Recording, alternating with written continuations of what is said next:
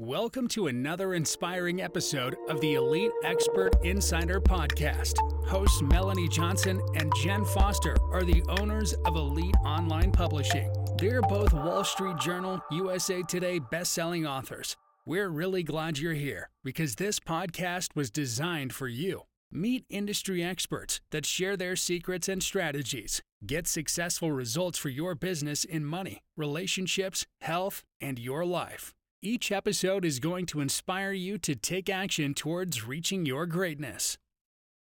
Hey everyone, welcome to our podcast today. We hope we are having a super great week. I'm your host, Melanie Johnson, along with Jenn Foster today. Hey, Jenn. Hey everyone, how's it going today? Hope you're having a great one. So, today we're talking contracts negotiation. You know, I'm one of those people that I feel like I've gotten into contracts, have lawyers, looked at them, spent millions of dollars actually with lawyers.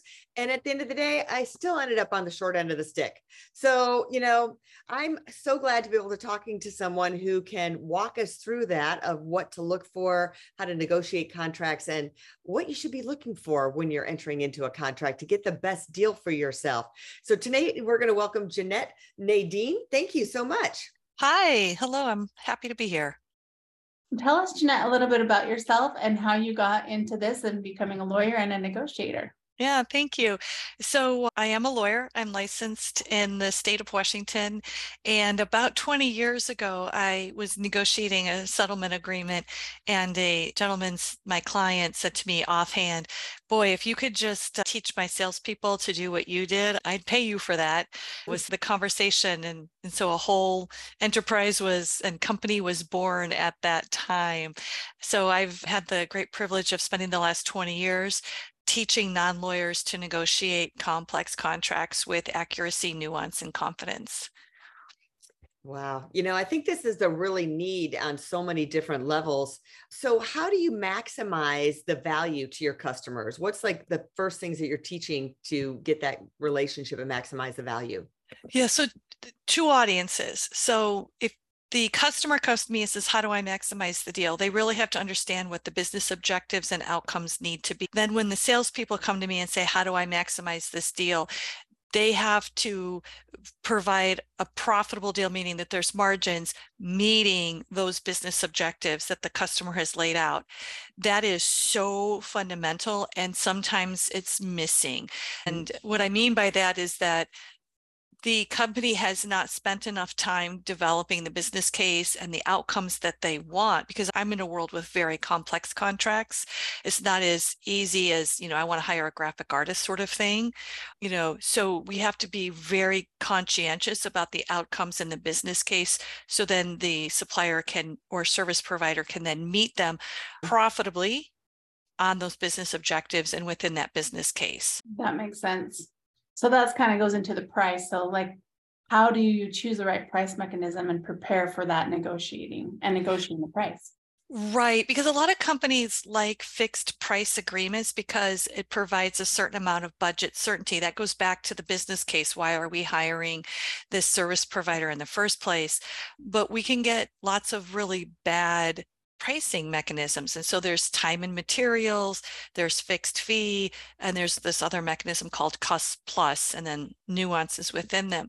The problem is that you know sales uh, service providers they want time and materials because they're not 100% sure what's going on what they're going to meet when they get in there and start working on it the business objectives are not crystal clear so they could lose money on a fixed fee the customer wants a fixed fee i want to know how much i have to budget for this particular service and i want to hold you accountable to that but i'm unclear about some things and so that's really where you start to get a lot of tension because they're misaligned from the beginning and what the objectives are and then how to price that and in what mechanism to use that's going to be efficient from a value perspective.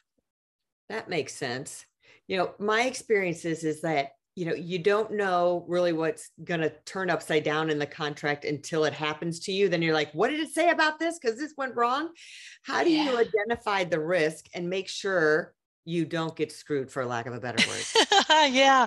So again, the, the, I work with both sides. I both work with both procurement and sales professionals. Mm-hmm. the procurement side, I really emphasize in the pre-award phase, you really have to look for risks and i call them the operational risks. That's the stuff you know melanie we should anticipate and we don't spend enough time on that because we're spending all this time on the legal boilerplate language. Mm-hmm. So we mm-hmm. really have to look at it. So a really simple example is handoffs. So think about it, Melanie. You've I'm sure in your work career you've handed work off to somebody else who then hands part of that work off to somebody else. Mm-hmm. And as a complete package, it has to go back through somebody and then back to you.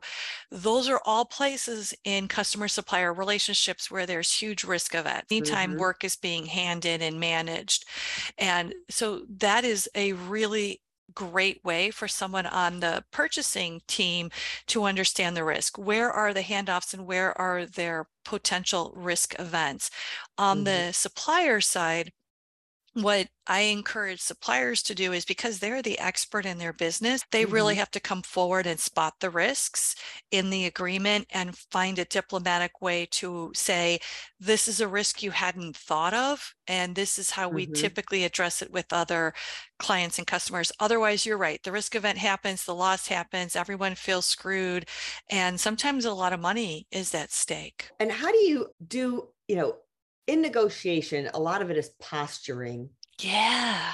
Right. So, you know, who has like the upper hand on the handshake? Who is, you know, whoever talks least sometimes is the winner, they say. How do you get the most influence in when you're negotiating?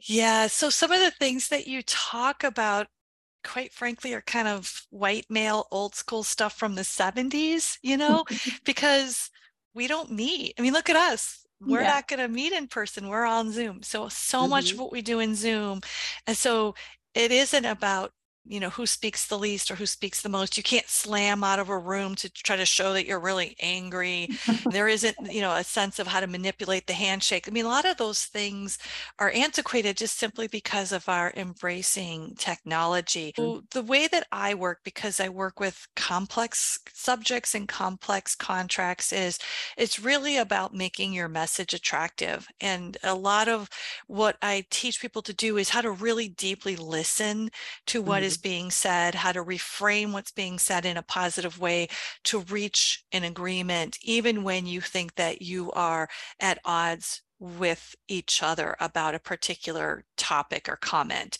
Mm. And when you can deeply listen and you can make the message that you are trying to convey attractive to the listener, you're more likely to reach an agreement. Mm-hmm. So let me give you a really quick example. So in a coaching call earlier this week, I'm working with someone who's very new to the purchasing function in oil and gas. And mm-hmm. then her manager, who's not new, is on the phone to try to provide support. But really the negotiations had gotten to an impasse and so they called me for coaching and said what's the next step and i so i go through my impasse questionnaire you know have you is this happening all right great you're really at an impasse and we coach them i coach them on how to write a really great email to encapsulate the fact that they've made a very reasonable in my estimation proposal to settle this situation and the other company is really digging their heels in so they're escalating it to their boss but they're not you know tattletelling on we'll just call him bob. They are actually saying you know this these are the facts we agree on the facts. You guys offered this. We cannot support that. We countered offered with this and since then we've had no forward progress to try to reach an agreement. What do you mm-hmm. suggest? How can we resolve this? Because none of us wants this to you know play itself out and get our you know legal teams involved. And that's a way of making your message very attractive. They didn't throw mark under or bob under the bus. They didn't do anything that was incendiary. You know they didn't they didn't do things that like posturing and stuff like that. They just laid it all out and said, what's the next step? How do we get this resolved? And that's part of that making that message attractive. And what they're actually doing is they're being very influential without having to use inauthentic power plays to try to do to be influential. Mm-hmm. That makes sense. So I've heard of trade-offs. Is would this be a time when you would do trade-offs? Or That's what exactly that mean? What right. is a trade-off? Yeah, that's exactly right. That's exactly what they were doing is they were trying to understand the right balance of trade-offs. So a trade-off triggers the obligation of reciprocity. So we all know this obligation from childhood. You know, back in the day, probably make parents cringe, but my sister and I would just get pillowcases full of food at Halloween, you know, full of candies and stuff like Mm-hmm. that. And we'd dump these pillowcases out. My dad would come in and grab, like, because he loves Snickers, he'd grab one or two Snickers, and that was the parent tax, you know. And then we were left with these big piles, and then we'd start trading. You know what I mean? Like we'd we'd start to say like what we were going to absolutely not trade, and then what was open for trading, and then we sort of look and see, you know, what we were going to trade with each other. And then there was the pile of the unwanted candy which actually wasn't very much, but you know what I mean. And so we do that even as adults. And we do this with really sophisticated concepts. This idea of, okay, I've got this big, you know, suitcase or pillowcase full of stuff, and I'm going to start parsing it out. What I am not willing to give, what I am willing to give, what I'm not willing to receive when I take a look and see what's over there after they dump out their pillowcase full of stuff. And mm. it's very dynamic because I'm not just dealing with one issue, I'm dealing with pricing mechanisms and contract terms and statements of work and technical specifications. And so we still have that concept though of reciprocity. If I give something to you, the expectation is that you're going to give me something back in return. And that's basically what this concept of trade-offs is.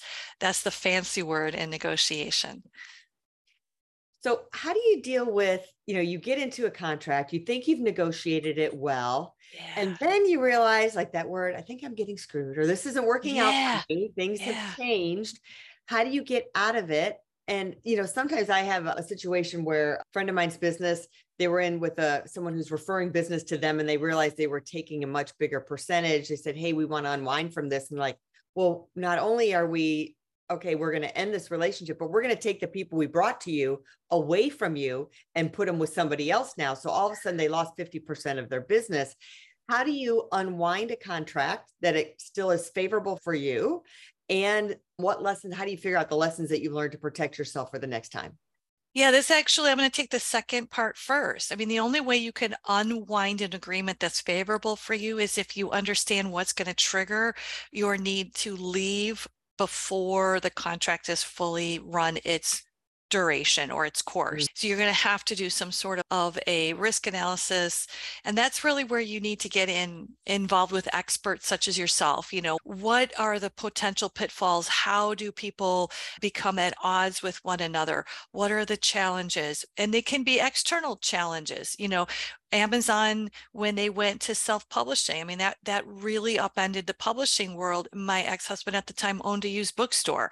So, you know, we were living this firsthand all those many years ago. And so some of it we cannot predict and some of it we Mhm. can predict for the things that we can predict we just we need to build the contract right in the first place Mm. and if you are the receiving end of someone else's contract then you really do have to get an expert in that industry to be able to read it and review it and issue spot because it sounds like from that example about the higher percentage than anticipated and now we're going to take our people away those things were embedded in the contract, but without the eye of expertise, they were overlooked. And then they come back out as weapons when the situation is not as Mhm. anticipated. Mhm. Right. So is there a way to modify a contract? Is that a thing or how does that work? Yeah, absolutely. So in the contracts that I work with, we absolutely do have provisions to modify. I will say though that governments, you really can't modify their contracts. So Mm. federal government, state, municipalities, they typically do not allow for any kinds of modifications and that's its own subset of contracts in the commercial area where I work, yeah, there absolutely is a way to modify a contract. And it's as simple as both people agreeing to what the contract modifications are going to be and signing it, and Mhm. the contract is modified unless it says, hey, this contract cannot be modified under any circumstances. Then you have to cancel that contract and start all over again. All right. So for those of you who aren't in business, but you're in life or you're in business and we're all in the business of life. I'm just going to unpack this to say the things that we learned is, you know, when you're negotiating with someone to be a good listener, you know, Jeanette had said. So, how, you know, think about how that relates in your marriage, your friend Yes. relationship, your relationships as a parent, to take the time before you're, you know, hammering down something, listen to the other party when you're doing it and trade offs. Right. That happens even with your kids. Make some trade offs. It doesn't have to be your way or the highway to have that. And, and make sure you review the contract. So I'm reviewing meaning like, you know, when you're in a marriage or relationship, the contract that you had before you had kids, your relationship was one way. Now all of a sudden you have little kids, you might have to modify that contract of, hey, who's going to get up in the middle of the night? Who's going to do this and adjust your contracts with each other in life?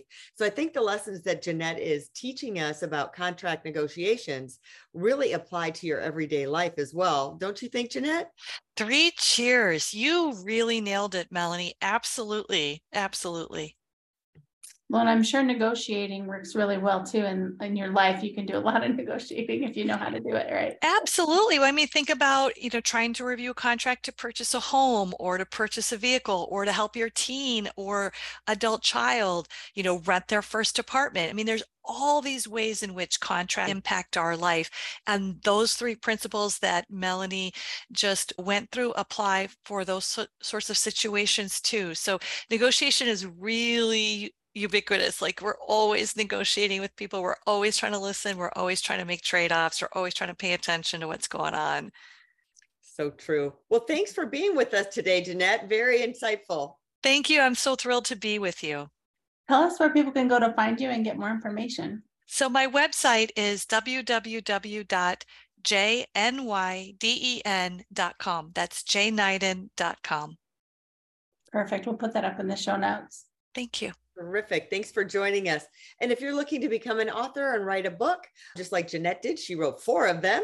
Look us up at eliteonlinepublishing.com and hit the author submission button, and we'll see if you're a good fit for us. Have a great week, everybody. Talk to you soon. Bye. Hey, are you looking to increase your revenue, build credibility, and elevate your brand? This podcast is brought to you by Elite Online Publishing, an innovative publishing and full spectrum marketing company. They will publish and market your book to make it a number one bestseller. Becoming an author is the best way to market your business. So contact them at eliteonlinepublishing.com today. All of their authors become number one bestsellers.